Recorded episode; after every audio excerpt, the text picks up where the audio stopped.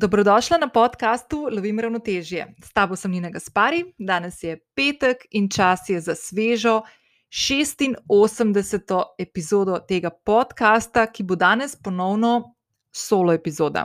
Za današnjo epizodo sem pripravila temo, s katero sem se veliko ukvarjala zadnji mesec ali dva, ko sem pripravljala vodič in vključene vaje za vzpostavljanje jutranje rutine. Ugotovila sem namreč, da je tema jutranje rutine ena od tistih tem, ki vas najbolj zanima. Uh, tudi ena od epizod prvih tega podcasta, mislim, da je bila osma, je bila namenjena tej tematiki in moram reči, da je to še vedno ena od top petih najbolj poslušanih epizod tega podcasta do danes. Uh, in ker sem v lanskem letu, ko se je zgodila pandemija, tudi jaz opustila svojo jutranjo rutino, o kateri sem takrat v osmi epizodi govorila, sem se odločila, da bom v letošnjem letu se vrnila nazaj uh, k jutranji rutini, jo na novo postavila, oziroma naredila neko tako recenzijo in revizijo jutranje rutine, ki sem jo imela včasih, jo prilagodila, če bi bilo to potrebno, in je bilo potrebno. In jo ponovno zagnala v svoj vsak dan. Tako da danes govorimo o jutranji rutini, ki je ena od tistih stvari, ki jo je vedno v življenju dobro imeti. Uh, in ni pomembno, kako dolga je, ali iz koliko različnih delov ali aktivnosti jo sestaviš. Pomembna je predvsem z vidika, kako se skozi svojo jutranjo rutino podaš v svoj nov dan. Pravilno in pametno sestavljena jutranja rutina lahko pusti en velik in pomemben pečat v tvojem vsakodnevnem življenju. In njeno delovanje lahko opaziš, naprimer, na povišenem nivoju energije, na boljši produktivnosti in osredotočenosti na svoje delo, na to, da boš lažje sprejemala odločitve skozi dan, ali pa se učinkoviteje soočala s težavami, odnosi, upravljanjem tesnobe, stresa in tako naprej. Ne na zadnje je jutranja rutina ena od ključnih spremenljivk za uspešnejše lovljenje vsakodnevnega življenjskega ravnotežja, o čemer tukaj na tem podkastu veliko govorimo. In danes ti bom predstavila moj pogled v jutranjo rutino, ki sem jo, kot sem rekla, pred kratkim začela ponovno postavljati. Um, in pogledali bomo v to, kaj sploh je jutranja rutina, kaj je zdrava jutranja rutina, zakaj je pomembna tudi zate. Uh, kako v jutro najdeš čas zase in za svojo jutranjo rutino? To je ena od tistih stvari, ki se doskrat pogovarjamo, predvsem na kakšnih zasebnih sporočilih na Instagramu, ko mi pravite, joj, se to vse super, ni naveč, ampak mi ne delamo od doma, pa imamo otroke in tako naprej. Jaz vedno pravim, da ko jaz rečem, da je moja jutranja rutina lahko dolga dve uri, to ne pomeni, da mora biti jutranja rutina od vsake od vas dolga dve uri. Absolutno ne, lahko je tudi 15 minut, lahko je 5 minut. Uh, bomo malo kasneje prišli do tega. Um, Pogledali bomo tudi v to, kako postaviš jutranjo rutino, da bo delovala za te, kakšno vprašanje si lahko malo postaviš, in predvsem, kako jo potem začneš graditi. Na koncu ti bom jaz predstavila še mojo novo jutranjo rutino, ki sem jo postavila s pomočjo vodiča in delovnega zvezka, ki sem ga pripravila in je na voljo v moji spletni trgovini. Tako da, če bi tudi ti rada oblikovala svojo jutranjo rutino, s katero boš vsako jutro stopila v svojem ritmu lahko skočiš na povezavo, ki jo najdeš spodaj v opisu ali v zapisu epizode. Prvega najdeš v aplikaciji, pri kateri trenutno poslušaš to epizodo, drugega pa na povezavi, ki te bo odpeljala na mojo spletno stran. In tam te čaka ta vodič uh, z idejami in vajami. Da boš, ne glede na to, koliko časa imaš zjutraj običajno na voljo, lahko tudi ti sestavila svojo edinstveno in optimalno rutino. Uh, ta vodič, ki sem ga pripravila z mislijo na te, In na vse tiste vprašanja, ki sem jih v zadnjih dveh letih uh, in več dobivala na tematiko jutranje rutine, sem nekako poskušala vključiti v to tudi skozi vaje, da bo res ti enostavno to uh, pripraviti. Uh, sem dodala še ene druge stvari. V ta vodič sem vključila uh, tri recepte za zajtrk, to so tisti recepti, katerim se jaz najraje vračam, uh, in predloga, kako lahko sestaviš jutranjo rutino iz različnih stebrov, ki so v tem vodiču opisani. Mislim, da jih je sedem. Um, če imaš malo več ali pa malo manj časa, in potem se lahko s temi stvarmi malo poigraš in dodaš tiste aktivnosti, ki so ti. Uh, notri, uh, ki so ti v tvojem življenju dobre in, in jih rada počneš. Uh, vodič vključuje tudi uh, razlago razlik med uh, močjo volje, motivacijo, rutino in navado. O tem bom malo kasneje govorila na kratko. Uh, odgovoriti tudi na vprašanje, kot sem rekel, kaj je zdrava jutranja rutina, ki bo delovala za te.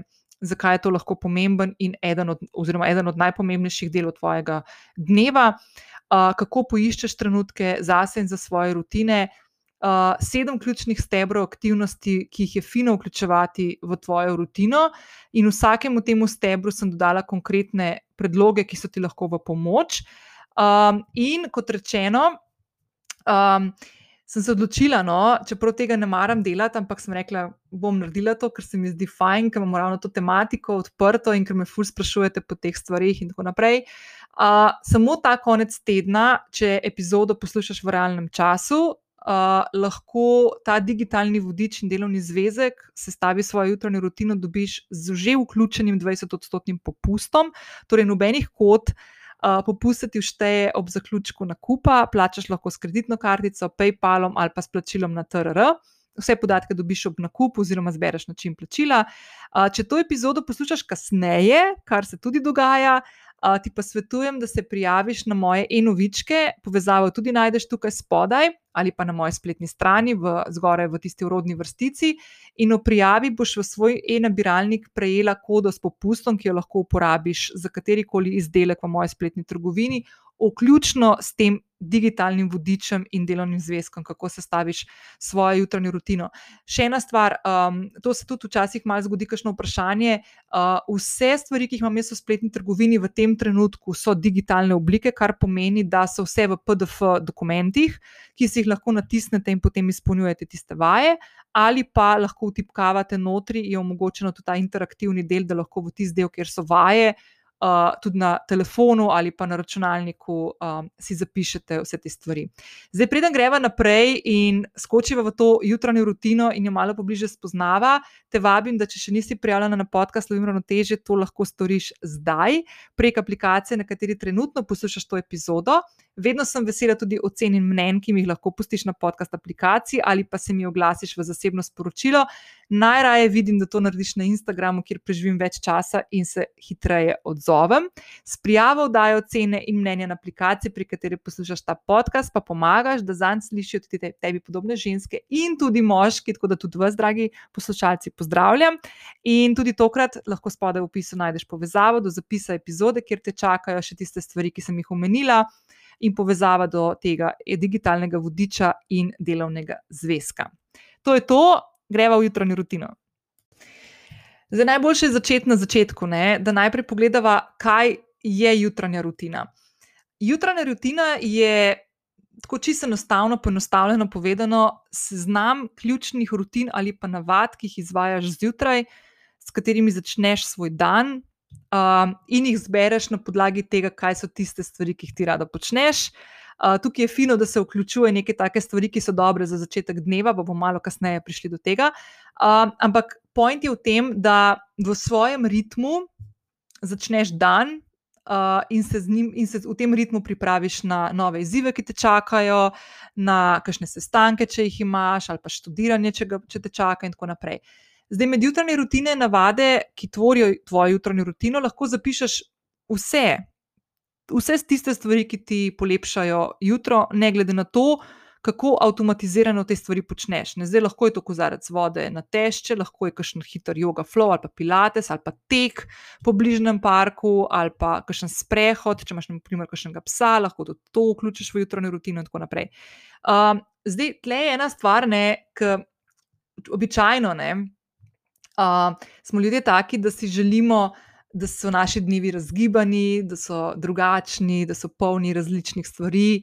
Mislim, smo ljudje različni, no? ampak jaz vem, naprimer, da se spomnim, ene par let nazaj sem delala na enem projektu um, za enega večjih, od večjih um, svetovnih uh, avtomobilskih znamk in smo bili v Rovinju, mislim, da 11 dni in smo 11 zaporednih dni uh, delali dogodke, jutranje in večerne, ki so bili enaki uh, za različne različna občinstva, ki so se menjala v dvoranah. In to je bil kot tisti film, ki Bill Murray igra uh, Greyhound Dog Day, uh, ki se že zjutraj zbudiš in veš, kakšen bo tvoj dan.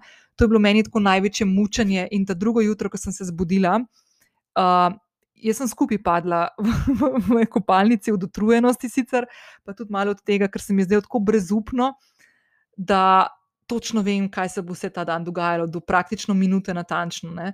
In um, dokler ne probaš ene take stvari, uh, si težko, težko razumeš, da bi naprimer, se lahko pripravil do tega, da bi vsak dan začel enako. Ampak to so zdaj ekstremne stvari. Ne? Zdaj tukaj nočem reči, da je to jutranja rutina enaka. Zato uh, pri jutranji rutini je res, res, res blazno pomembno, da vanje vključimo tiste stvari, uh, ki nas veselijo, do katerih smo strastne, ki nam dvignejo nivo energije, uh, ki mogoče malo spodbudijo tudi kakšen pretok misli ali pa kreativnosti, ali pa to, da se malo razgibamo, predihamo, osredotočimo na nas, s kakšno meditacijo in tako naprej. Um, zdaj, um, vsak od nas si, po mojem, malo tudi želi, ne, da bi bil vsak dan drugačen. Uh, kot bi se to dalo v nekih normalnih razmerah. Ne. Ampak ta cikl ponavljajočih enakih dejanj iz dneva v dan, ne, uh, teh manjših, sploh ko govorimo o nekih teh rutinah in navadah, je nujen. Uh, predstavlja nek način, kako lahko določene nam drage ali, ali pa ljube opravke, ki, do katerih smo strastni in nas napolnijo z energijo, uredimo v nek, nek tak smiselen sistem, ki ga bomo potem s časom, ko bomo konsistentno izvajali te. Te, ta zaporedja nekih aktivnosti, ki si jih bomo zapisali, naprimer, konkretno tukaj v tem, kar govorimo danes, jutranjo rutino, in bomo upravljali tako lahkotno, skoraj da brez nekega pretiranega premisleka.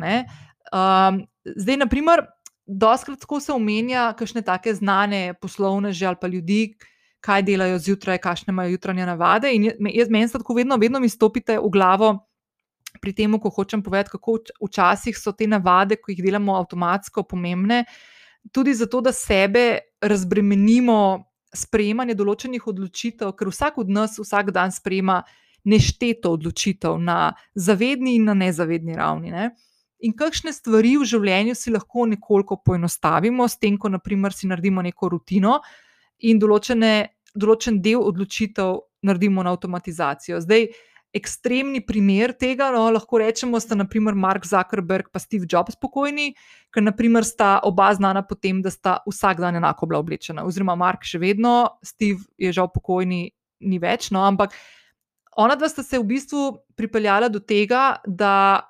Ker imata pač, um, oziroma Steve je imel pač kot pokojni, bom rekla, kar v posedanju, ko bom govorila, da oba imata tako pomembno službo in toliko odločitev vsak dan sprejmeta, da sta se enostavno odločila, da določene stvari bosta pač upeljala tako, da bosta imela enake. Ne? Se pravi, naprimer, konkretno vsak dan imata enako majico, enake kavbojke, enake superge in to je to. Uh, Steve Jobs ima tiste črne pulje, pa uh, snikrce, pa uh, džinske, Mark Zuckerberg ima, mislim, da siv t-shirt, pa džins, pa, pa superge. Ne?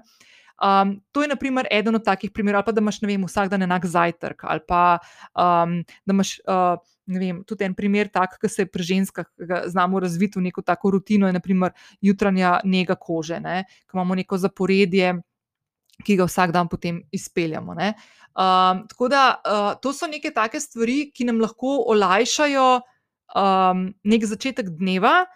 Uh, in ga kljub vsemu, da vsak, vsak dan oddelamo tiste stvari, ki so nam pomembne in ki, so, um, ki nam nekako predstavljajo nek tak uvod v nek nov dan, um, da se nekako posinkamo oziroma spet nacentriramo v svoj center in v svoje jedro, preden gremo v službo ali pa vem, v domači pisarni za računalnik.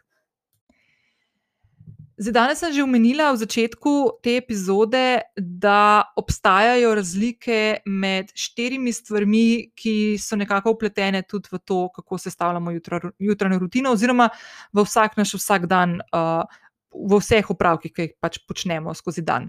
Uh, to so navade, rutine in moč volje in motivacija. Uh, Dobro je, da vsak od nas pri sebi najde neko tako optimalno razmerje med navadami in rutinami, ter močjo volje in motivacijo. Zdaj, pri drugih dveh, torej pri moči volje in motivaciji, potrebujemo več energije za premislek. In to so stvari, ki niso avtomatizirane. To so stvari, ki se jih moramo lotiti um, in uložiti neko energijo, nek čas, nek premislek v to, da nekaj naredimo. Medtem ko rutine in navade od nas zahtevajo manj energije, misli in razmišljanja in um, so nekako taki polautomatizirani, uh, polautomatizirana dejanja oziroma, oziroma akcije.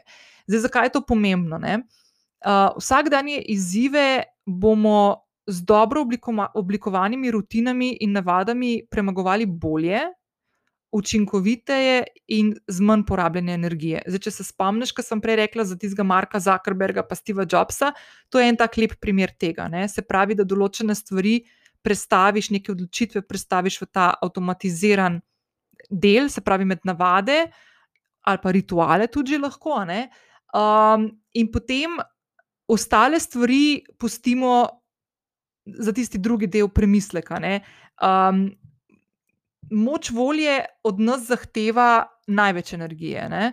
največ energije, največ časa, uh, da se postavimo to, da se odločimo, da bomo nekaj naredili. Ne? In zdaj, če lahko določene stvari prenesemo iz tega v nek sistem nekih aktivnosti, kot je naprimer jutranja rutina, je to lahko za nas ful dobro, ker bomo prihranili energijo uh, in mentalno, in fizično, in konec koncev časovno dimenzijo, zato da bomo potem delali tiste stvari, ki so za nas pomembne. Zdaj, ključna razlika med rutino in navado je v tem, ali neko dejanje ali pa aktivnost opravimo zavedno, ali pa namerno, ali pa ne. Navade so tisti naši vsakodnevni avtomatizmi in vedenja, v katerih ne razmišljamo pred ali pa med tem, ko jih izvajamo. Uh, navada se običajno pokaže kot neka potreba po tem, uh, da se sproži nek znak v nas, oziroma vem, zjutraj se zbudimo in imamo neko potrebo že v naših možganjih na avtopilotu, da neko stvar naredimo. Naprimer, en tak tipičen primer tega je, da se gremo pred zobe, naprimer zjutraj, ne? ali pa preden gremo iz stanovanja, ali pa preden začnemo delo v, v domači pisarni. Naprimer, Zdaj, v nasprotju z navadami, so rutine tiste, ki od nas zahtevajo še več namena, uh, da jih vključimo v svoj vsakdan in da se jih potem tudi držimo. Se pravi, da imamo nekako uh, da se iz dneva v dan držimo nečesa, zato da potem iz rutine naredimo navado, praktično že, da delamo malo že na avtopilotu. Ne? Uh, primer vsakodnevne rutine, ki še ni postala navada, pa bi si, na primer, želeli, da bi postala navada, da bi jo naredili tako avtomatično, kot da si operamo zobe. Je naprimer lahko to, da ko zjutraj se zbudimo in ostanemo iz postelje, da posteljo pospravimo, da jo posteljemo in da, da pač um, da, da, da uredimo svoj dom, naprimer, preden potem gremo v službo ali pa se, se, se zaposlimo z drugimi stvarmi. Ali pa, naprimer, da se odločimo, če imamo to možnost, da namesto da gremo v službo z avtobusom ali pa z avtom, da se bomo sprehodili do službe ponovno. Naprimer, zdaj, ko se lepi dnevi začenjajo, zakaj pa ne bi se zjutraj potem sprehodili.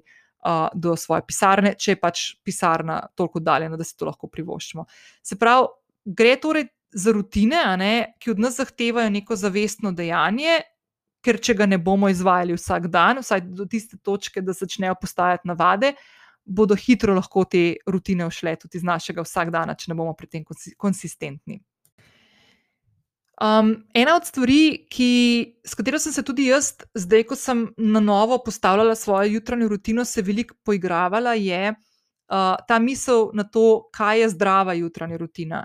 Um, jaz sem full pristaš tega, da In tudi ta uh, vodič in delovni zvezek, ki sem ga naredila, je narejen na tak način, da vsak mora iz sebe izhajati. Jaz nisem pristaš tega, da prebereš, kakšno ima nekdo rutino in jo potem apliciraš na svoje življenje, ali pa mogoče kakšno stvar pol daš ven in se ti zdaj zdi, da si zmagala. Uh, Meni se zdi ful pomembno, da najdeš pri sebi nek način, kako lahko vsak nov dan vstopiš s tistimi stvarmi, ki te veselijo. Point vsega tega je, da pač v življenju delamo tiste stvari, kar nas veselijo, sploh pa v času, ki je v bistvu naš čas, ki mi z njim upravljamo, se pravi, ne v tistem času, ko nam nekdo drug govori, kaj moramo početi. Ne? Zdaj, nekoč sem slišala enega znanca, ki je jutro opisal kot trenutek, ko posadimo seme, ki kasneje zacveti v tisto, kar na koncu postane naš dan. Ne? In v času, ki ga živimo, ko smo nenehno na voljo in priklopljeni, ne, uh, ko živimo življenje v skrbi za tem, kaj se bo zgodilo danes, jutri, v prihodnosti, in smo kljub še temu, da gledamo naprej, fully usmerjeni tudi v preteklost, ne v zamere, neizpolnjene trenutke, v učitanja in tako naprej, stvari, ki si jih nismo dovolili izživeti, stvari, ki se niso zgodile. Ko ne nehno dobivamo sporočila prek ne vem, milijone enih kanalov, ki jih imamo odprtih, eh, štejemo všečke na Instagramu, maile pregledujemo, skočimo na TikTok in tako naprej. Ne, je misel na to, da bi trenutek ustavili in bili prisotni zdaj v tem trenutku, tako zna biti zelo radikalna. Ne? Jaz mislim, da smo tukaj um, taki, taki ljudje zbrani okrog tega podcasta, ker smo se že veliko o tem pogovarjali, kako pomembno je, da smo nekako ustvarjalci svoje realnosti in kapitani svojih, svojih vsakodnevov. Uh, smo se o teh stvarih že veliko pogovarjali in se mi zdi, da smo taki, da lahko rečemo, da to mogoče ni tako radikalno, kot predvsem zelo potrebno. Ne? Ampak uh, včasih je te stvari težko premikati. Jaz vem pri sebi, da sem imela s tem ful velike težave. Jaz sem včasih bila človek, ki prvo stvar, ki sem jo pogledala zjutraj, so bili maili, zadnja stvar zvečer, ko sem jo pogledala, so bili maili. Ko sem bila še v službah, so bili običajno to službeni maili, so bili običajno pozno zvečer. E-maili, kaj mora biti že zjutraj narejeno, in tako naprej. Ne? In je včasih to težko. Um, jaz se tudi blazno zavedam in to tudi večkrat ponovim, da moj življenjski stil ni življenjski stil, ki ga imate tudi vi, drage poslušalke in dragi poslušalci. Ni nujno, da smo si pri tem podobni, ampak um, verjamem pa, da lahko vsak od nas um, zjutraj najde nek način in nek čas, ko si dejansko vzame čas zase. Uh, ne glede na to, kje živite, koliko vas živi v gospodinstvu, aj to pet minut, aj to deset minut, pol ure, dve uri, koliko si pač lahko prvošče. In um, je to včasih, mislim, definitivno je to izziv začeti delati. Um, tudi meni, ki živim sama, pa nimam otrok, naprimer, uh, in drugih teh, te, v navednicah, distrakcij, no, da ne bom zdaj dajala otroke po distrakcije. Um, ampak um, So pa to stvari, ki so blazno pomembne za neko tako vse splošno dobro počutje. In um, brez te prisotnosti v tem trenutku zdaj, ne, uh, imamo dejansko težave se soočati in um, boriti v navednicah z sodobnim načinom življenja, ki nam krati dejansko to vez samim seboj. Um, in ta prisotnost, ki jo jaz v bistvu jemljem kot neko odločitev, ki jo upeljamo v svoj vsakdan, ne, lahko je tudi v, kot delček neke jutranje rutine. Tukaj se v bistvu skriva naš notranji kompas, naš ta interni dialog in čas in tišina, ki se namenimo sebi, uh, ki nam potem pomaga se soočati in boriti z izzivi, ki jih prinašajo naši dnevi. Uh, Kakšen dan malo več izzivov, kakšen dan malo manj, ampak definitivno smo vsi v bistvu s svojimi življenji uh, uh, razštelani, uh, razpotegnjeni na tisoč in en konec, v tisoč in eno vlogo, ki jo igramo v življenju, in tako naprej. Uh, in je, so te stvari res ful pomembne. Zdrava rutina je torej tista rutina, ki ti omogoči, da vsako jutro začneš v svojem ritmu. In z navadami, rutinami ali pa rituali, ki tebi ogrejejo srce, ki ti zbistrijo um, in poženejo tvoje telo na prave obrate. Zakaj, so, zakaj je jutranja rutina pomembna? Način, kako začneš svoj dan, bo določala tvoje razpoloženje za cel prihajajoči dan.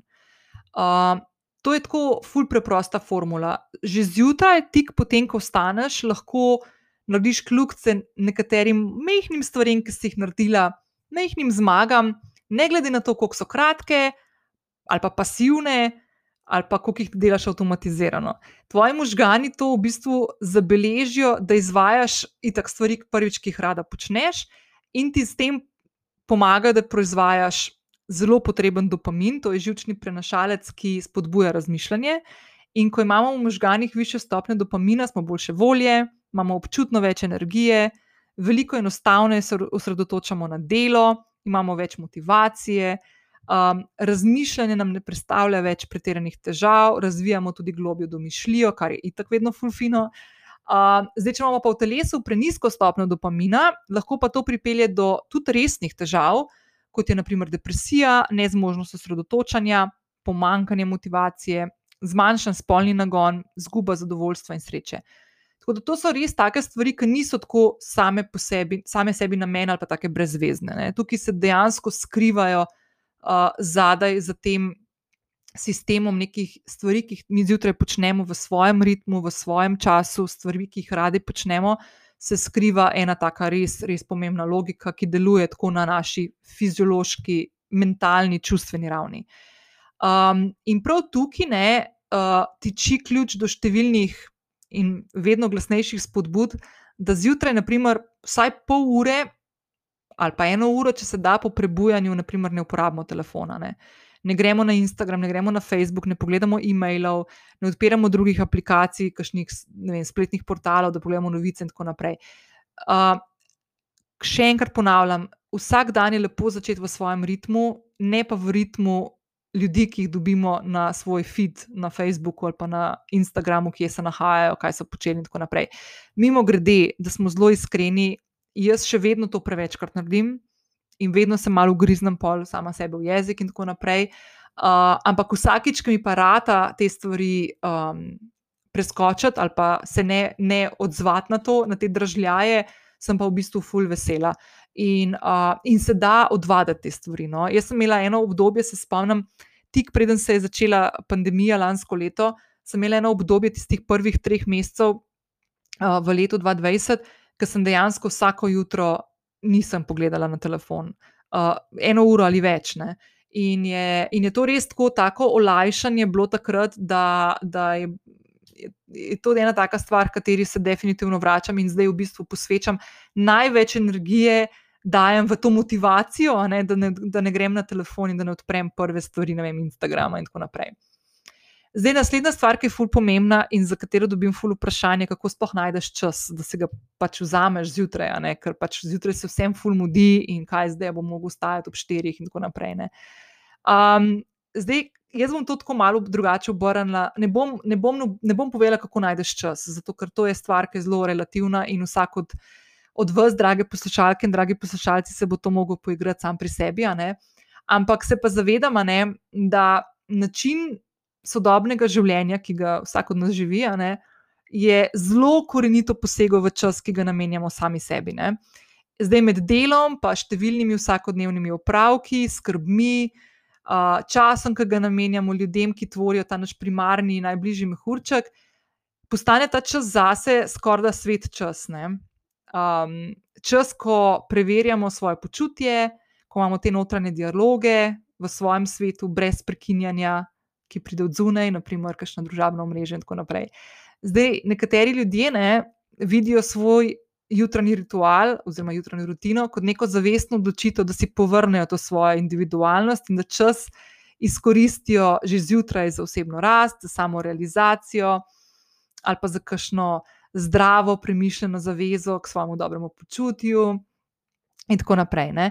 In um, v bistvu so uh, te trenutki zjutraj, spet ne glede na to, koliko časa si vzameš, lahko eni od res ključnih uh, stvari, ki ti pomagajo zdržati nek ta nivo. Jaz bom temu rekla, kar tako v navednicah osebne higiene, uh, mentalne in čustvene. Uh, jaz sem to pri sebi opazila, da ko sem enkrat začela vlagati uh, v ta čas, ne, um, ki sem ga napolnila s stvarmi, ki me veselijo. Um, sem imela dejansko dneve, ki so bili uspešni, uh, lahkotni. Um, tako se mi je zdelo, da ne, ne bom rekla, da z levo roko vse delam, ampak nisem iz stvari več tako prišle blizu, tudi tiste, kakšne take teže odločitve in to ful sem bolj lahkotno delala stvari. Pa zdaj lahko rečem tako, no, da bom zelo iskrena, ker sem rekla, da mi je jutranja rutina malo razpadla. Meni je razpadla tista dvourna jutranja rutina, ki sem imela včasih in ki sem jo opisala v osmi epizodi tega podcasta. Uh, drugače pa so določene stvari, ki jih še vedno vsako jutro počnem. So pa tiste malenkostne, naprimer, vem, tri stvari, iz, pa, pa prej sem jih imela, pa ne vem, 15. Ne. Tako da še vedno sem ohranila nek delček svoje jutranje rutine, tistih stvari, ki so mi kul. Cool in nisem tega toka tok um, razbila, kot mogoče, če bi čist uh, opustila stvari. Ne? Zdaj, da se vrnem nazaj k misli, uh, kako se posvetiš sebi, najdeš čas. Um, vedno je fino se zavedati, ne, da dobro postavljena jutranja rutina ali pa rituali, navade ti dajo res en tak prostor in čas za samo spoznavanje, samo preverjanje, pomagajo nam pri upravljanju s trenji ali pa um, držljaji, uh, tesnobo, uh, ki smo jim priča v naših vsakodnevnih življenjih. Lažje s tem upravljamo, lažje se s tem soočamo. Zdaj, ko mi skozi dan ne odgovarjamo na sporočila, je pošto klice, nimamo časa in nimamo prostora in tišine, da bi preverjali same sebe, um, da bi dobili nek iskren notranji odgovor o tem, kako se počutimo, česa si želimo, kje leži naša strast, kje leži naš zakaj in tako naprej. In jutra so tista, ne, ko se zbudimo v neko tako svežino novega, še ne napisanega dne, so taka res ful dobra istočnica in nam dajo odlično priložnost, da stopimo v ta trenutek zdaj ne, in si ga res vzamemo in ukrademo zase. In ko bomo s tako začetnim dnevom odprli vrata doma in vstopili v nov dan, bomo res občutili, da lahko v sebi uh, nosimo vse tiste odločitve in izzive, se soočamo z vsemi izzivi, ki nas čakajo na fulbol lahko, lahkoten način.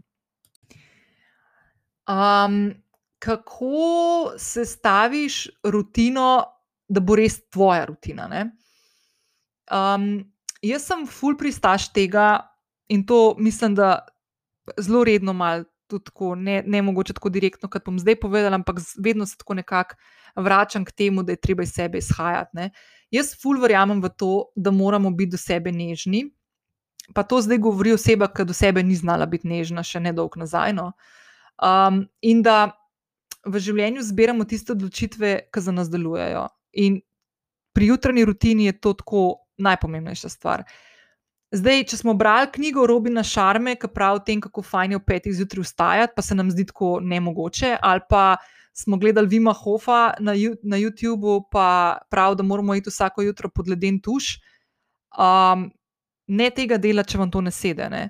Zdaj, jaz sem glih v tem ledenem tušu se v 84. epizodi pogovarjala z Emilom Ledenkom, ki um, vodi skozi delavnice ljudi na. Um, na uh, kopanje v ledeni vodi s pripravo dihalnimi vajami in delavnicami in tako naprej. Mimo grede, če se želi kdo nam pridružiti, uh, lahko skoči na 84. epizodo v povezavo ali pa na ninagaspari.com, pošiljka epizoda 8.4.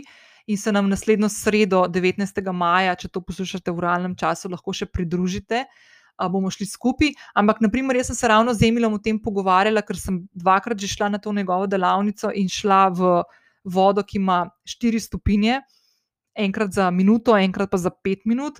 Uh, ampak jaz, na primer, se doma ne morem z ledeno vodo tuširati, meni to ne gre, meni je to totalno mučenje, medtem ko mi je to, da grem v 4 stopinje vodo, se namakati za 5 minut, mi je totalno relaksacija, tako pravno zen moment. Ne?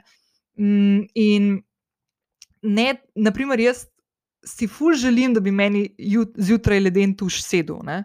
Ful si želim, ampak enostavno ne gre. Meni je to, jaz trpim in jaz ne želim, ne želim sploh se ukvarjati z nekimi stvarmi. Mogoče, če bi dalj časa ustrajala, pa to razvijala, mogoče bi prišla do trenutka, da bi to vzljubila, ampak ne zgleda, no? ne zgleda in pa se niti ne mučam in raje ne delam tega. Tako da, ko razmišljaš o svoji jutranji rutini, ne glavno vlogo igra, ne vem, ta motivacija. Kaj je tisto, kar si želiš početi, kaj te bo motiviralo, da boš to delala pol vsak dan. Mal je fajn tudi kakšnega strateškega premisleka tukaj vključiti, ne? da ti bo potem v pomoč, da boš konsistentno se vsakodnevno držala in vračala v svojo rutino. Tako da, ko razmišljaš o svoji jutranji rutini, da se vprašaj, zakaj. Um, zakaj vključiti neko aktivnost v jutranjo rutino, kaj ti bo prenesla, zakaj bi jo vključila, kaj, kako se počutiš, ko tisto stvar narediš. Ne? Zdaj pozabi na misli, pa mnenja drugih, tudi na koncu konca na to, kar bom jaz pol povedala za svojo jutranjo rutino.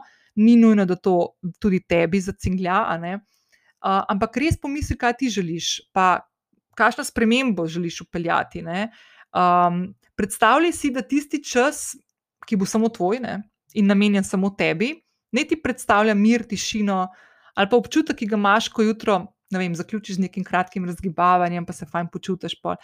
Probi si v, v mislih narisati čim bolj natančno sliko sebe na tako tvoje idealno jutro. Ne? Zdaj, ne vem, če ti je kul, cool, da te ptički zbudijo, pa že prej odpreš okna, naprimer, preden že zvečer greš spat. Naprimer, A veš, mislim, tako res izhaja iz sebe, kaj je tisto, kar tebi pomeni nekaj, nekaj več. Ne?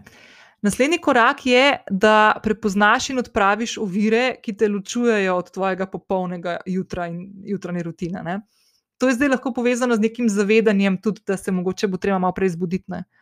Pa še enkrat, ne, če vstaješ drugače ob pol osmih, to ne pomeni, da se moraš v petih začeti zbujati. Um, probi, ne vem, pol ure prej, pa poglej, pa mogoče ti bo sedel, boš pa rekel, ne bom še pol ure prej, pa bom eno uro prej, ker zdaj ostanem, zato ker mi je res tista ura, full velik da. Um, tako da, um, fino je, se, dobro se tudi no zavedati, da v tem prvem delu, ko začneš se poigravati z jutranjo rutino, boš mogla vključiti to moč volje, ki sem prej rekla, da full energije, pa, pa časa, pa premisleka vzame. Uh, ker o, ta moč uh, volje ti bo v bistvu pomagala, da boš postavila si sistem, ki se ga boš potem tudi držala, in da boš potem iz tega začela graditi svojo rutino, ki bo s časom deloma postala tudi navada, se pravi, da boš določene stvari delala že avtomatizirano. Bom jaz, potem, ko bom povedala ob koncu te epizode mojo sedanjo jutranjo rutino, bom povedala, kje so tisti deli, ki jih dejansko avtomatično naredim, brez da bi posebej razmišljala. Um, kaj, kaj, kaj, kaj je moj naslednji korak. In dobesedno se zelo tam, ko hodim po stanovanju, da grem v tisto smer, kjer se določena aktivnost v mojem mehkem domu uh, odvija. Še eno stvar sem mislila. Mal povedati, preden greva potem v to, kako se začneš sama ukvarjati z jutranjo rutino svojo, kako veš, da je močna tvoja jutranja rutina, pa da bo dejansko delala za tebi v prid in zate.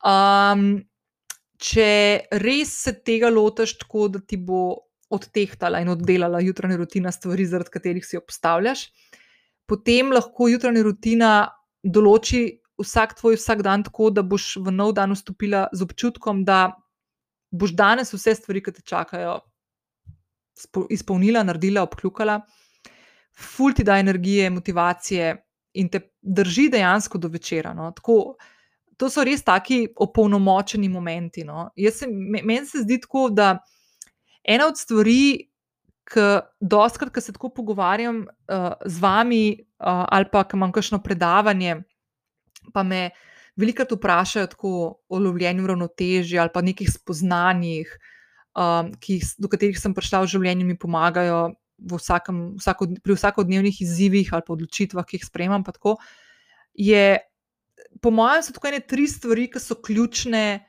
oziroma štiri stvari, ki so ključne, ki jih zdaj tako iz glave potegnem, um, ki sem jih v bistvu razdelila in mi pomagajo pri tem, da se držim nekih svojih teh napisanih in nenapisanih načel. Jutranja rutina je definitivno ena od teh stvari. Tako da eno od pomembnejših spoznanj v življenju, do katerih sem prišla, je, da je jutranja rutina ful pomembna, da jo želim imeti, da se jo želim držati in da jo želim konsistentno uporabljati, uporabljati in z njo upravljati vsak dan. Druga stvar je, da moram vedeti, kaj je moja strast, kje leži moj smisel, moj namen življenja, ki ga potem upletem v čisto vse aktivnosti. Se pravi, da točno vem, zakaj določene stvari počnem, zakaj določenih stvari ne počnem. Um, Kaj moram narediti in kaj moram delati, da imam konstantno občutek, da je moje delo smiselno meni, in da doprinese nekaj tudi drugim. Uh, ta podcast je en lep primer tega, naprimer, um, da mi je v veliko veselje in čast, da lahko z vami potem poklepetam tudi po vsaki epizodi. Ali pa, naprimer, danes, ko to snemam, bom povedala, zdaj, če bo ta punca poslušala. Danes sem bila v Zari v BTC-ju in sem šla eno, eno oblekco probat v, v garderobo, in ko sem nesla nazaj in jo dala, je tam ena uh, uslužbenka, Zarina, prijazna gospodična, rekla: Joj, sem te po glasu spoznala, pa, tako, uh, pa, pa se kar ne morem tega navaditi, no? da mi nekdo tako ustavi in reče, da me po glasu pozna z podcasta. In um, meni so to ful lepe stvari, ne? in mi je ful fajn, ko tako z vami poklepetam, zdaj tako ali živo, če se kje srečamo, tako by the way, če me kje vidite, me lahko kadarkoli ustavite. Ali pa, ali pa tako, da mi na Instagram pišete ali pa na mail. Uh, Um, ful mi to veliko pomeni, ker vidim, da vsebine, ki jih jaz pripravljam, da vam padajo na neka plodna tla in da, da vam tudi kakšno misel sprožijo, ali pa da imate občutek, da niste same v kakšnih stvarih v življenju, ki se vam dogajajo, in tako naprej. In jaz sem našla v tem nek svoj namen, nek svoj smisel, ki ga prepletam tudi s ostalimi stvarmi, ki jih počnem v življenju, in tako naprej. In, naprimer, ena od teh stvari, kaj je moj zakaj, se mi zdi tako totalno fulključna. In zaradi tega sem tudi tu delovni zvezek naredila, kako najdeš svoj zakaj, ki ga tudi na moji spletni trgovini lahko najdeš.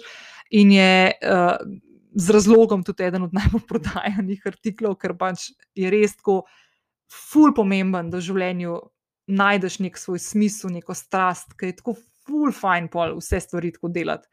Uh, naslednja stvar so strahovi, omejitvena prepričanja. Ker sem jaz začela s tem upravljati kot ena od najbolj preplašenih biti, kar sem jih poznala v življenju, ker mi je bilo same sebe strah, pa svoje sence, 40 let, ko sem hodila po tem planetu. No.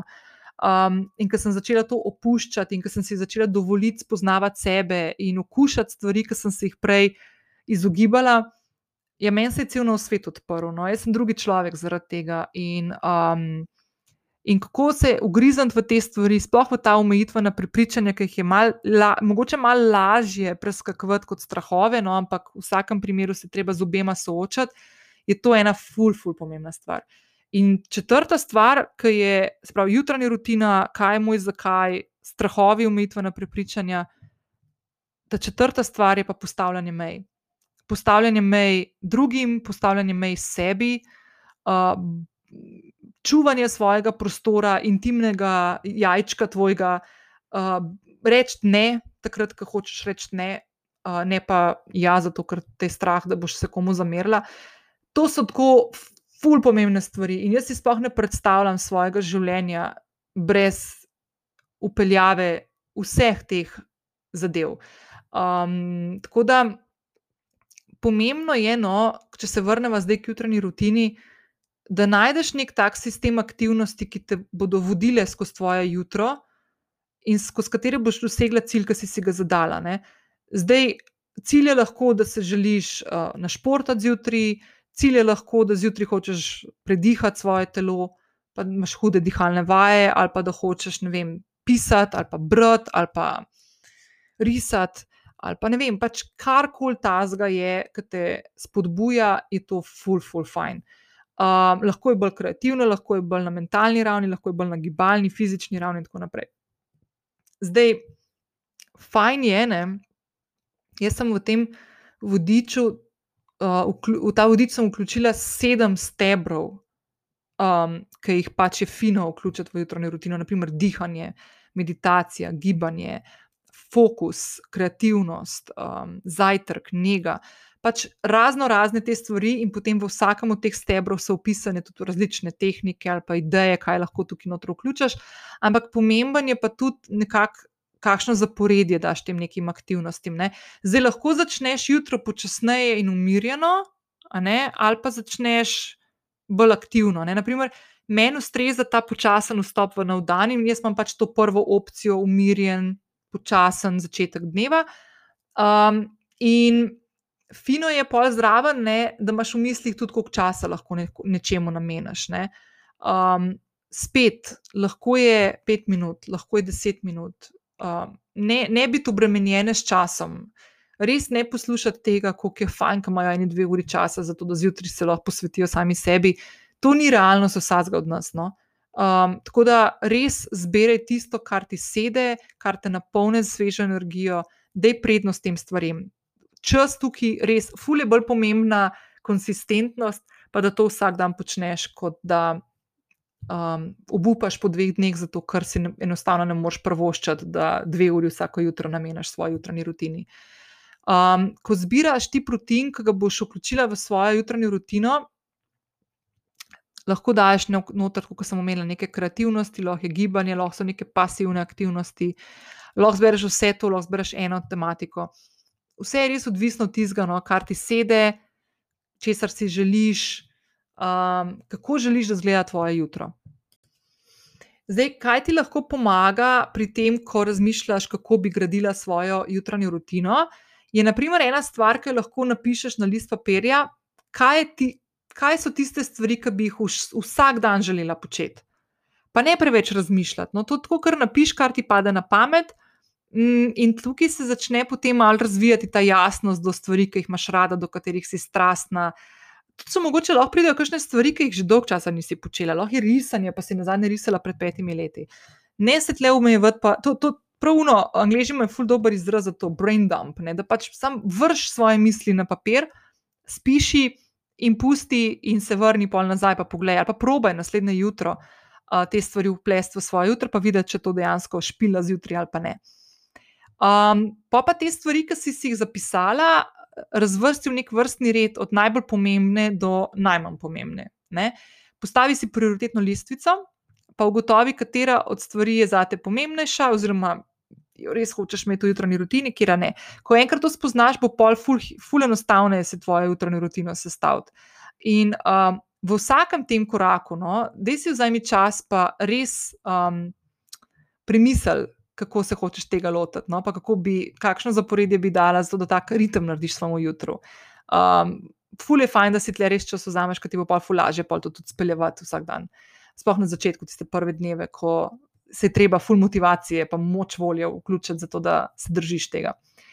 Um, pa pa napiši tudi, koliko ti posamezna stvar ali pa ta aktivnost vzame časa. Ta, ta, ta korak je ful pomemben, zato da boš pa lahko videla, če hočeš vse stvari speljati, koliko časa ti bo skupaj vzelo, oziroma pa, ko boš imela to prioritetno lestvico, lahko rečeš, ok, tisto, te zadnje dve stvari bom dala dol, pa potem mi ostane še toliko časa. Ne? In pa preveriš, če ti pač to špila, ne? spet bom ponovila, da sem rada to besedo. Um, in, in vidiš, če, to, če si to lahko prvoščeš v navednicah zjutraj. Um, in pol te stvari postaviš v vrsto in imaš pač jutranjo rutino. Ne? In pa, pa še zadnja stvar, ki je, da si konsistentna. Ne? To je v bistvu najpomembnejša stvar na koncu. Da pač res probaš vsak dan speljati to rutino. Um, če ti je predolga, jo prilagodiš, če ti je prekratka, jo prilagodiš. Um, in pomisli na to, da vsak dan, ki ga boš pa preskočila, pomeni, da boš mogla naslednji dan malo več spet energije, pa moči volje, um, moči volje klopiti noter, pa energija, ne? pa, pa premisleka, pa tega, da greš nazaj. Ne? tako da je fino, da res si narediš tako, da ti bo lažje. No? In um, še ena stvar, ki je tukaj pomembna za, za, za povedati, no, primer, ne, tudi ko sem o meditaciji že kar nekajkrat govorila, ne, da ni fora o tem, da meditiramo 10 minut na dan. Ne, pomembno je, da meditiramo vsak dan, pa tudi če je to ena minuta na dan. Ne, da si vzameš tisti čas, da se fokusiraš na sebe, zdaj je to dihanje, je to mantra, a je to loving kindness in številne druge meditacije, ki mimo grede sem jih tudi opisala v tem Evo Diču za sestavljanje jutranje rutine, um, pa tudi dihalne vaje, kakšne ti lahko pridejo prav, pa kako jih izvajati, pa na kakšen način. Uh, to je vse tam noter zapisano, tako da če te stvari zanimajo, res skoči tja, pa ujemi ta uh, vodič. Um, res je ta konsistentnost, ful, ful, ful, pomembna. Veliko bolj kot to, da ne vem. Um, jo narediš celo, pa, pa dva dni noč. Tako da, to je to. Ok, zdaj pa noč, gremo na mojo jutranjo rutino, ta novo. Ok, um, kako izgleda moje jutro? Prva, ful pomembna stvar in sprememba je, da zelo redko alarm vklopim. Zdaj je zadnje čase, zadnjih par mesecev, mislim, da v letošnjem letu spim bistveno manj časa, kot sem spala prej po mojem, tam med 6 ur in 7 ur na dan, kar mi je čist bizarno, zato ker bi še pol leta nazaj rekla, da absolutno rabim vsaj 8 ur spanca, pa še vedno verjamem, da ga, ampak ne vem, nek ritem se mi je malo porušil ali kako koli. Nimam občutka, da sem utrujena ali da sem, da sem neprespana in brez energije, ko se zjutraj zbudim, tako da to je dobro. Ampak dejansko, ne vem, kar, da bi nekaj manj časa rabila za spati. Kar mi je zanimivo, ker ponavadi to se meni zgodi poleti, no?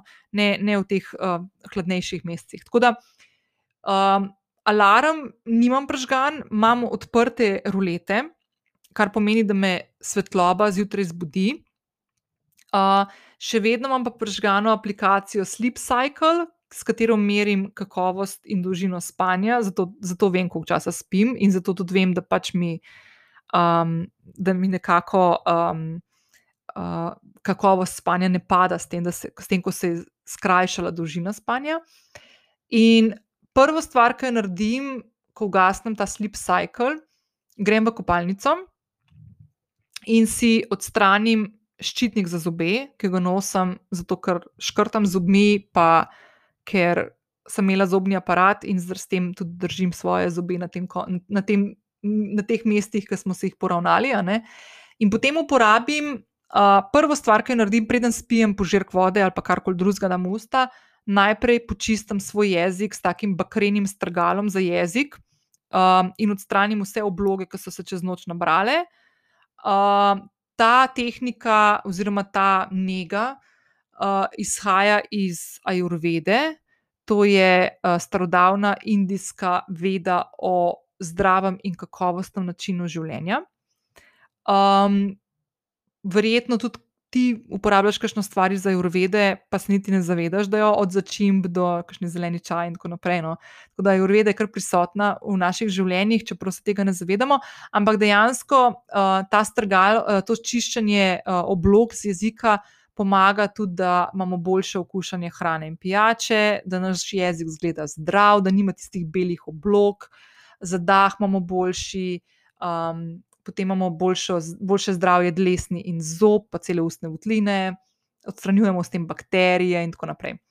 Um, potem grem pa jaz, prvo stvar, ki jo naredim, potem, ko grem iz kopalnice, to so zdaj tisti momenti, ki jih tako malo avtomatizirano delam. Uh, se sprehodim nazaj do moje postelje, kjer me ob vznožju postelje čaka razgrnjena joga podloga uh, in se tja usedem na moj meditacijski polštrček, ki sem si ga zdaj pred kratkim kupila. Ravno zato, da se poskušam res vsak dan uh, usest in vzeti tistih par minut, zato da zameditiram. In še vedno uporabljam aplikacijo Calm za vodeno meditacijo. Um, ne vem, po mojem, če imam teden, sedem dni, pet ali pa šest dni naredim tako meditacijo, pa pa kakšen dan vmes, pa pač sam zaprem oči, pa se fokusiram na dihanje. Um, pol naslednja stvar, ki jo naredim po meditaciji, običajno ob, občasno. No, Pri tej meditaciji naredim še kakšne dihalne vaje, in tukaj delam dihalne vaje, ki mi jih je Emil Denko, moj gost v 84. epizodi, uh, naučil uh, ki so v bistvu malo izhajajo iz tega Wim Hofa, čeprav so ful prilagojene, pa so o tem ful veliko govorili v tisti epizodi. Tako da, če te to zanima, skoči na 84. epizodo. Pa če imaš zdaj možnost, res ti ful svetujem, da greš te stvari je imelo, uh, se pravi, te delavnico, pa dihalne vaje, pa ta potop v ledeno vodo, tudi tako nora izkušnja. Um, ampak naslednjo stvar, ki jo po, po naredim po meditaciji, pa naprimer še dihalnih vajah, grem v kuhinjo. In zdaj so pa tle odvisno od letnega časa ali pa od mojega razpoloženja.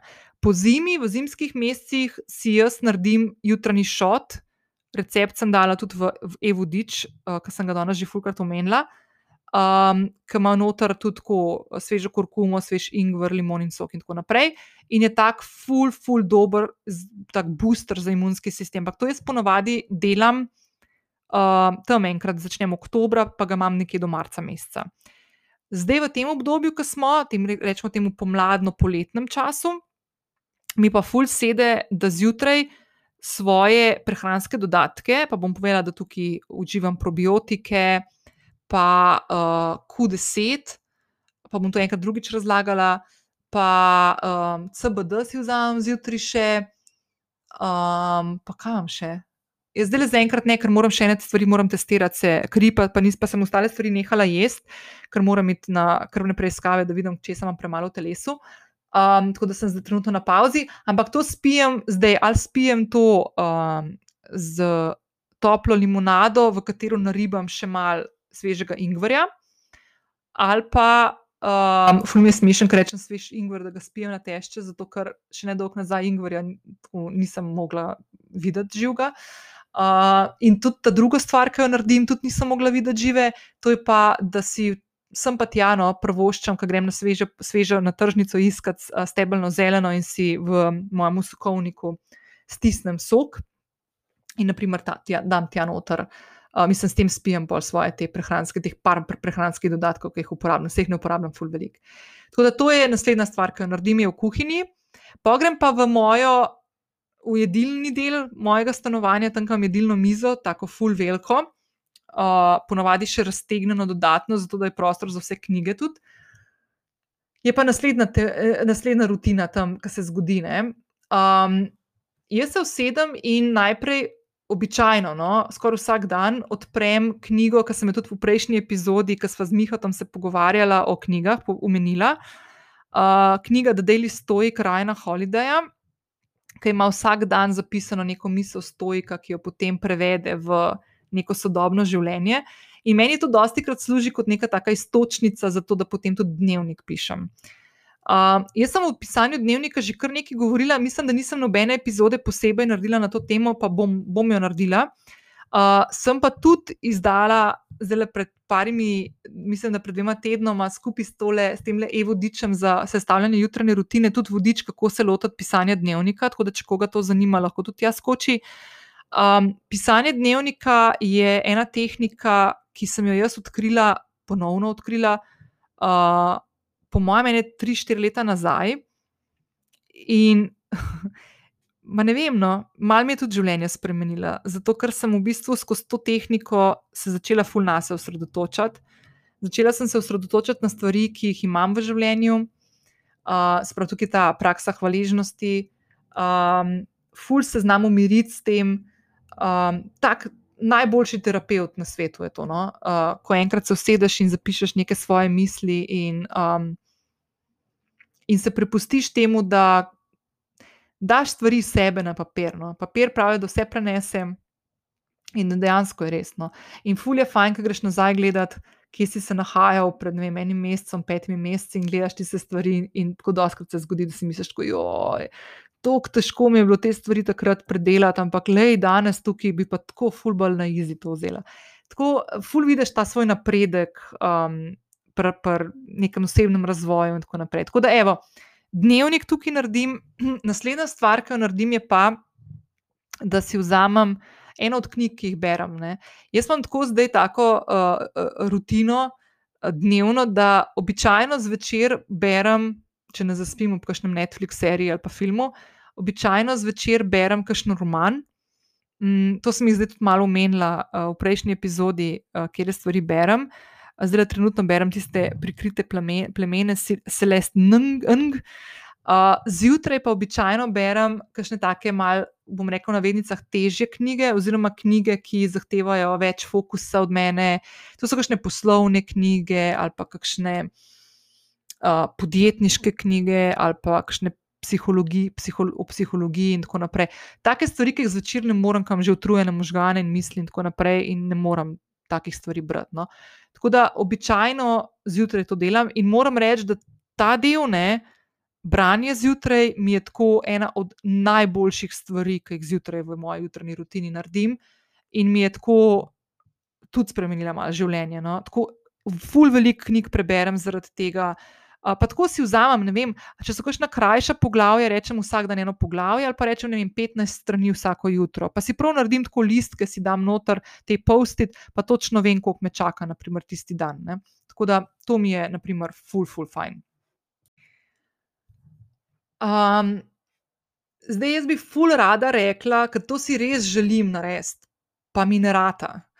Ampak full rada bi rekla, tlele, da po tem branju knjige, ne da grem jaz na jogo podlogo, pa naredim en yoga flow, ali pa ne vem, eno, en session od nuše gnezde, um, pa ne naredim tega, no? zelo, zelo redko, tako da ne bom tukaj se lagala. Um, ampak meni, na primer, ful ne sede, ne sede mi neki ful, da bi nek flow si naredila ali pa neki. Um, nikoli nisem bila neki za te jutranje joge, če si iskreno, čeprav je yoga super za jutranje prebujanje, ampak meni nekako ne gre, no, mi ne sede. Mogoče naredim kakšen pozdrav soncu ali pa kakšen razteg, pa to ok, ampak ne pa, da bi zdaj neki tako ful, um, ful imela neko tako akcijo. Jaz to pol delam ponovadi bolj zvečer ali pa po, po, po, pozno popoldan. Um, sem pred leti hodila na neke vadbe zjutraj, na neke te hit vadbe, visoko intenzivne, pa to, ampak sem kmal nehala, ker ne, ne sede mi to, če si iskreno. Uh, Uh, tale nušin program Fit Mami, ki ga delam, uh, zdaj delam spet tisti izziv njen, pa pa šla nazaj na ta program, mi je pa full dober, ampak običajno ga delam tako tam okrog 12, preden si kosilo naredim. No. Uh, tako da, ko zaključim s tistim bolj kreativnejšim delom mojega delovnika, jutranji del, uh, grem pol odtelovaditi, se stuširati, narediti kosilo in pa grem nazaj delati tisto, kar še imam, pa še te administrativne, pa e-mail odgovarjati. Pa tako da ja. Um, ok, zdaj rečemo, da potem, ko preberem, ne, si običajno naredim zajtrk. Uh, naredim si zajtrk, različne stvari si pripravljam. Zadnje čase mi ful sedajo slani zajtrki, tako da delam veliko uh, omleci, pa um, kaj pa vem, humusi, pa um, ohrovt kot drolistnat, pa zdaj le so špargli, pa tako no, v glavnem, fulejnih takih. Uh, stvari si rada naredim, tako malo sem začela opuščati te bolj sadne, pa te zajtrke, to mi ni več, mi ne sedi več tako velik. Um, pa naredim si zraven, uh, zdaj malo sem nehala kavo piti, čeprav zadnje dneve spet nekaj si jo naročam, no pa doma delam, ampak načeloma zdaj le full pijem mačo, se pravi zeleni, japonski zeleni čaj. Če koga zanima, na Instagramu je profil preprosto mača jaz tam naročam kar na zasebno sporočilo, po, zasebno sporočilo pošljem ena Sabina, uvaža ful dobro mačo iz Japonske, direktno od kmetov, iz zadruge in je čist huda mača in jaz ne pijem druge. Tako da, evo, to si naredim ali mačo late um, ali pa, um, ali pa um, kakšen avokado toast, ne vem, čija puding, uh, jajčka poširana in tako naprej. Uh, by the way, uh, avokado toast, pa čija puding, pa mača late, sem dala recepte tudi noter v e-vodič, sem to, če koga zanima. Um, ok. Poleg, ko pojem zajtrk, obvezno pomijem posodo, ker pač ne morem, ne morem drugače delati, če nimam, če nimam pospravljeno okrog sebe. In pa grem v kopalnico, kjer imam pa ta del nege. Ne? In zdaj uh, ta del nege, ponovadi to tako naredim, da vzamem telefon s sabo na telefon do tega trenutka še nisem pogledala, če sem bila uspešna, ne? če sem bila visoko motivirana. Razen da sem ugasnila tisti uh, sleep cycle, pa da sem si meditacijo vodeno pržgala. Ne? Ampak, ko grem pa v kopalnico, pa običajno telefon s sabo vzamem, pa še vedno ga imam, jaz sem do 9. zjutraj telefon na Don't Disturb. Se pravi, če me kdo kliče, nimam klica, imam zgrešen klic, pa message pa to, to nimam nič pržgan. Um, no, in v kopalnici pa običajno preklopim kakšen podcast, in potem najprej skrtačam telo, suho krtačanje. To je spet uh, ena stvar, ki prihaja iz ajurvede in ima ful dobrobiti. Ne? Spodbuja limfni sistem, ki je v bistvu eden od glavnih gradnikov našega imunskega sistema, s tem razstrupljaš telo, je dober peeling, um, čisti pore, pomaga tudi pri odpravi celulita, čeprav okay, iz tega nisem neki ful upazila. Um, potem spodbuja telo z energijo, Mm, in tako naprej. Tle je treba edino paziti, no, če bo kakšna se to lotila na novo. Dajte malo kakšen video si pogled na YouTubu, zato ker je ful pomembno, kako krtačimo svoje telo s kašnimi gibi. Vedno je treba iti tako, da greš proti srcu. Se pravi, da ko greš od stopal gor, na vzgor ščetkaš, ko greš od ram dol, ščetkaš na vzdolj.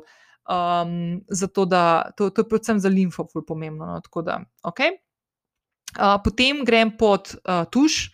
Uh, zdaj, če imam res lepe dneve, ne, pa da ujamem mojo marino na tržnici, pol imam svež šope eukaliptusa pod tušem, ki si ga kakšno soboto zjutraj na Ljubljanski tržnici kupam. Um, zdaj, že dolg časa ga nisem imela, no, ker nisem ujela marine.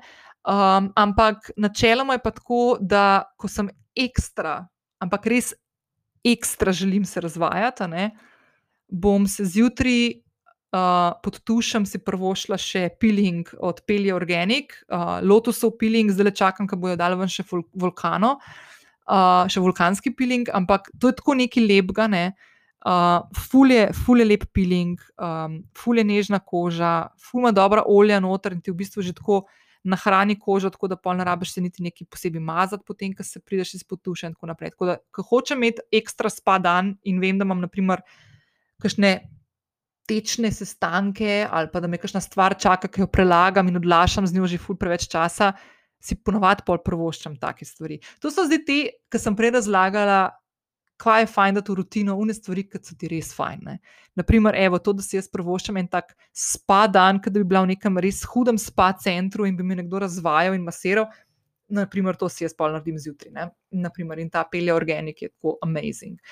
Um, pa pa Um, običajno jaz pridem nekje v svojo pisarno, tam okrog med 8:30 ali pa 8 pa 9, no, tam nekje, odvisno, kdaj ostanem. Običajno se zbujam tam nekje okrog 7, no, naravno. Um, zdaj mene v pisarni čaka na mizi, kar sem že parkrat omenila in to še vedno delam, tudi ko mi je malo razpadla moja rutina, sem to še vedno počela. Um, da vsak dan, ko zaključim z delom, si zapišem stvari, ki me potem čakajo naslednje jutro uh, na mizi, in v bistvu s tem razbremenim svoje misli zvečer, lažje zaspim, uh, ne premišljujem o tem, kaj moram naslednji dan narediti. In potem v bistvu imam že napisan scenarij oziroma vozni red za ta dan, ki se začenja, delovni, kaj moram prvo stvar narediti. Običajno si ta prva stvar, ki si jo napišem, je tista najbolj zatečna stvar, ki jo moram narediti.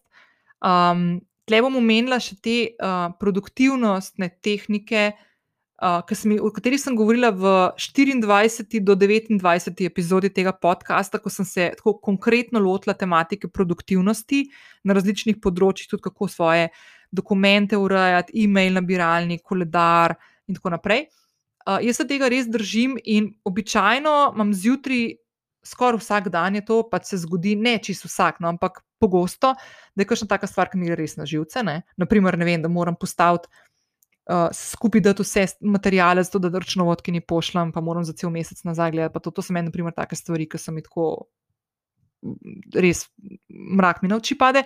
Temu se reče eat the frog, ne? se pravi, da prvo stvar zjutraj narediš uno, res najbolj tečno stvar, ki ti gre na živce, ki bi jo nareš se losal in je pa fulaže vse ostale stvari delati. Ne? Tako da to, naprimer. In jaz običajno si polo pisarni pržgem svečkom, palo santo si pržgem, ki ga promojci in your soul time kupam. Um, kakšen kristal, jaz pa ne, ne morem verjeti, kdo sem ratala, ampak kakšen kristal po, vzamem v roke. Um, pa imam tle še en CBD za fokus od uh, Hemptača, naprimer. Pa tako, v glavnem, lepo si postavim nek tak začetek dneva, pogledam maile, če je kakšna taka stvar, ki se je nabrala, ki je fulj pomembna za odgovor. Pogledam, če imam kakšne deadline, pogledam, če imam kakšno res pomembno stvar, ki imam na tisti dan na, na, na koledarju, ali kakšno poslovno ali pa zasebno, vse vse. In potem se lotim delati. In ko se lotim delati, običajno prvi del dneva namenjam takim kreativnim stvarem, uh, ali pa če pišem kakšne strategije za naročnike, takrat običajno si vzamem zjutraj čas, kam spočite misli. Uh, pa pa tako, kot sem rekla, ne, mm, zaprem mail, ne gledam več telefon, dam na off um, in oddelam tiste stvari, ki so ključne, pa pa naredim pauzo pred kosilom, zato da grem odtelovaditi, uh, najraje po nušinem programu. Um, potem si naredim kosilo, pa grem pa še ostale stvari narediti. In običajno jaz potem z delom zaključim nekje okrog štirih, petih, odvisno. Um, so tudi dnevi, ki delam dlje, seveda, ampak poskušam imeti tako neke take, sploh zdaj, ko so lepi dnevi pred nami, oziroma da je nekaj daš zdaj, ampak ajde, ker so zdaj topli, poletje, vrtce se bliža in tako naprej, so taki trenutki, ki fura, da veliko časa preživim zunaj z ljudmi, tudi zdaj, ko smo malo spet družiti začeli in tako naprej. Tako da, evo, tako so moje nekakšne te dnevi, ki sem jih zdaj kar malo razširila, ne samo na jutranjo rutino, ampak še na kaj drugega. Um, tako da, ja, to je to. A ja, še eno stvar sem pozabila, moja jutranja rutina. O, to moram povedati. To, moram povedati. to je pa mal uh, posodobljena, še posodobljen del, ki ga ni bilo uh, pred enim letom ali pa letom pa pol, ko sem snimala osmo epizodo podcasta. Um, ena stvar, ki jo naredim zjutraj, in to bom zdaj ta del bom pa namenila, da vidim, če bo poslušala vse. Bom pa namenila mojim krasnim prijateljicam, ki jih bom zdaj pomenovala, uh, Barbari. Ani Lazovski, uh, obe sta bili tudi gosti na tem podkastu, Meti, ki je bila tudi na tem podkastu dvakrat, uh, Gruši, ki še ni bila na podkastu, Gruša, te bom kaj povabila. Uh, pa uh, Ani Železnik, še moji kolegici, so šolki iz faksa. Um, običajno, preden začnem delati, vsako jutro se vsaj z eno od teh mojih, mojih žensk slišim, Uh, zdaj, ali me one pokličajo, ali jaz njih pokličem, da malo poklepetamo, uh, eno ali pa dve, tako da vidimo, kako smo, da se posinkamo. Um, in moram reči, da um, zdaj bom izkoristila ta del še za njih, da, da se fulvam še javno zahvalim, zato se ful pogovarjamo. Ampak zdaj sem se prav spomnila, kratko kurjo kožo sem dobila, zdaj, ko to snemam. Uh, da sem neizmerno hvaležna in res v zadnjem času ugotavljam bolj kot prej, kadarkoli prej, da imam neizmerno srečo, da imam okrog sebe take krasne ženske, ki se tako ful podpiramo. Uh, Budrimo, stojimo ob strani, se veselimo zmag ena druge, in, in mi je tako, ful mi je lepo. In, in ne vem, tako nisem nikoli imela občutka, da imam take prijatelje okrog sebe, kot imam zdaj v tem obdobju. In je to ena od tako najbolj krasnih stvari, ki jih imam. Uh, ta sistem podpore, ki je sploh vedno je pomemben, ampak zdaj le pa tako v teh časih, ki smo bili tako, ki se nismo dobivali, ki smo se tako bolj po telefonu, pa teh stvarih slišali, ki smo se mal pazili, bolj kot sicer ne. Je tako meni to neizmerno, neizmerno veliko mi pomeni. No. Tako, da, tako da sem ful, ful, ful hvaležna, da imam te moje babe, žabe okrog sebe. In ful, hvala, drage moje, da, da ste, uh, da, da ste in da smo skupaj in da držimo. In ko mi čaka, in zdaj, ko bo malo lepo in kam teraso do konca uredila, ste prišli k meni Gin Tonik. Evo tako, to. Ok, to je to. Uh, zaključujemo on a high note. Uh, jaz vam želim, vam, vašim sistemom podpore, en lep petek. Ne pozabite, da če vas zanima, kako bi sestavljali svojo jutranjo rutino, če bi ugriznili v to. Um, kot sem rekla, ena od štirih ključnih spoznanj v mojem življenju je tudi jutro, sestavljena dobra jutranja rutina, ki mi ful pomaga pri vseh stvarih, ki se jih lotevam v življenju. Če te to zanima, skoči hitro na mojo, uh, na, ta, na tole povezavo tukaj spodaj pa na moji spletni strani, ujemi teh 20 odstotkov popusta pa si sestavi svojo rutino, javi se mi, če imaš kakšno vprašanje, kadarkoli mi lahko pošlješ na mail. Ali pa noč ne skrivam, mail je tudi v zapisu epizode na moji spletni strani objavljen, odgovorim. Ne, sem pa ti, ja, še en mail pozabim, pa se pa lahko me tudi spomnite, pa pocukate za rokav, pa bom odgovorila brez problema. Ali pa mi pišete na Instagram, pa bomo poklepetali. Ampak uh, res, če te ta tema zanima, pa ne veš, kako začeti pa kaj vključiti, pa kako se sploh lotiti tega, da ugotoviš pri sebi, kaj, kaj me sploh zanima, kaj hočem početi, kaj, do česa sem strastna v svojem življenju. Te bo, to, te bo ta vodič lepo vodil skozi to, pa za, na koncu še tiste vaje, ti bodo tako res, res, ful prav prišle. No? Uh, in ti obljubim, skoraj ti upam, res zagotovo ste obljubili, da boš imela na koncu lepo rutino sestavljeno, ki bo res taka, da te bo peljala v vsak nov dan na najboljši možen način. Ok, to je to. Uh, hvala, da ste ostali z mano do konca. Jaz vam želim en lep petek, še lepši vikend. Upam, da bo uh, kaj vreme tudi naklonjeno za kakšne izlete, za kakšne skoke iz mesta ali pa v mesto, ne glede na, pač, glede na to, kje živite. Uh, in se pač slišmo naslednji teden. Ne? Lepo se majte. Ciao!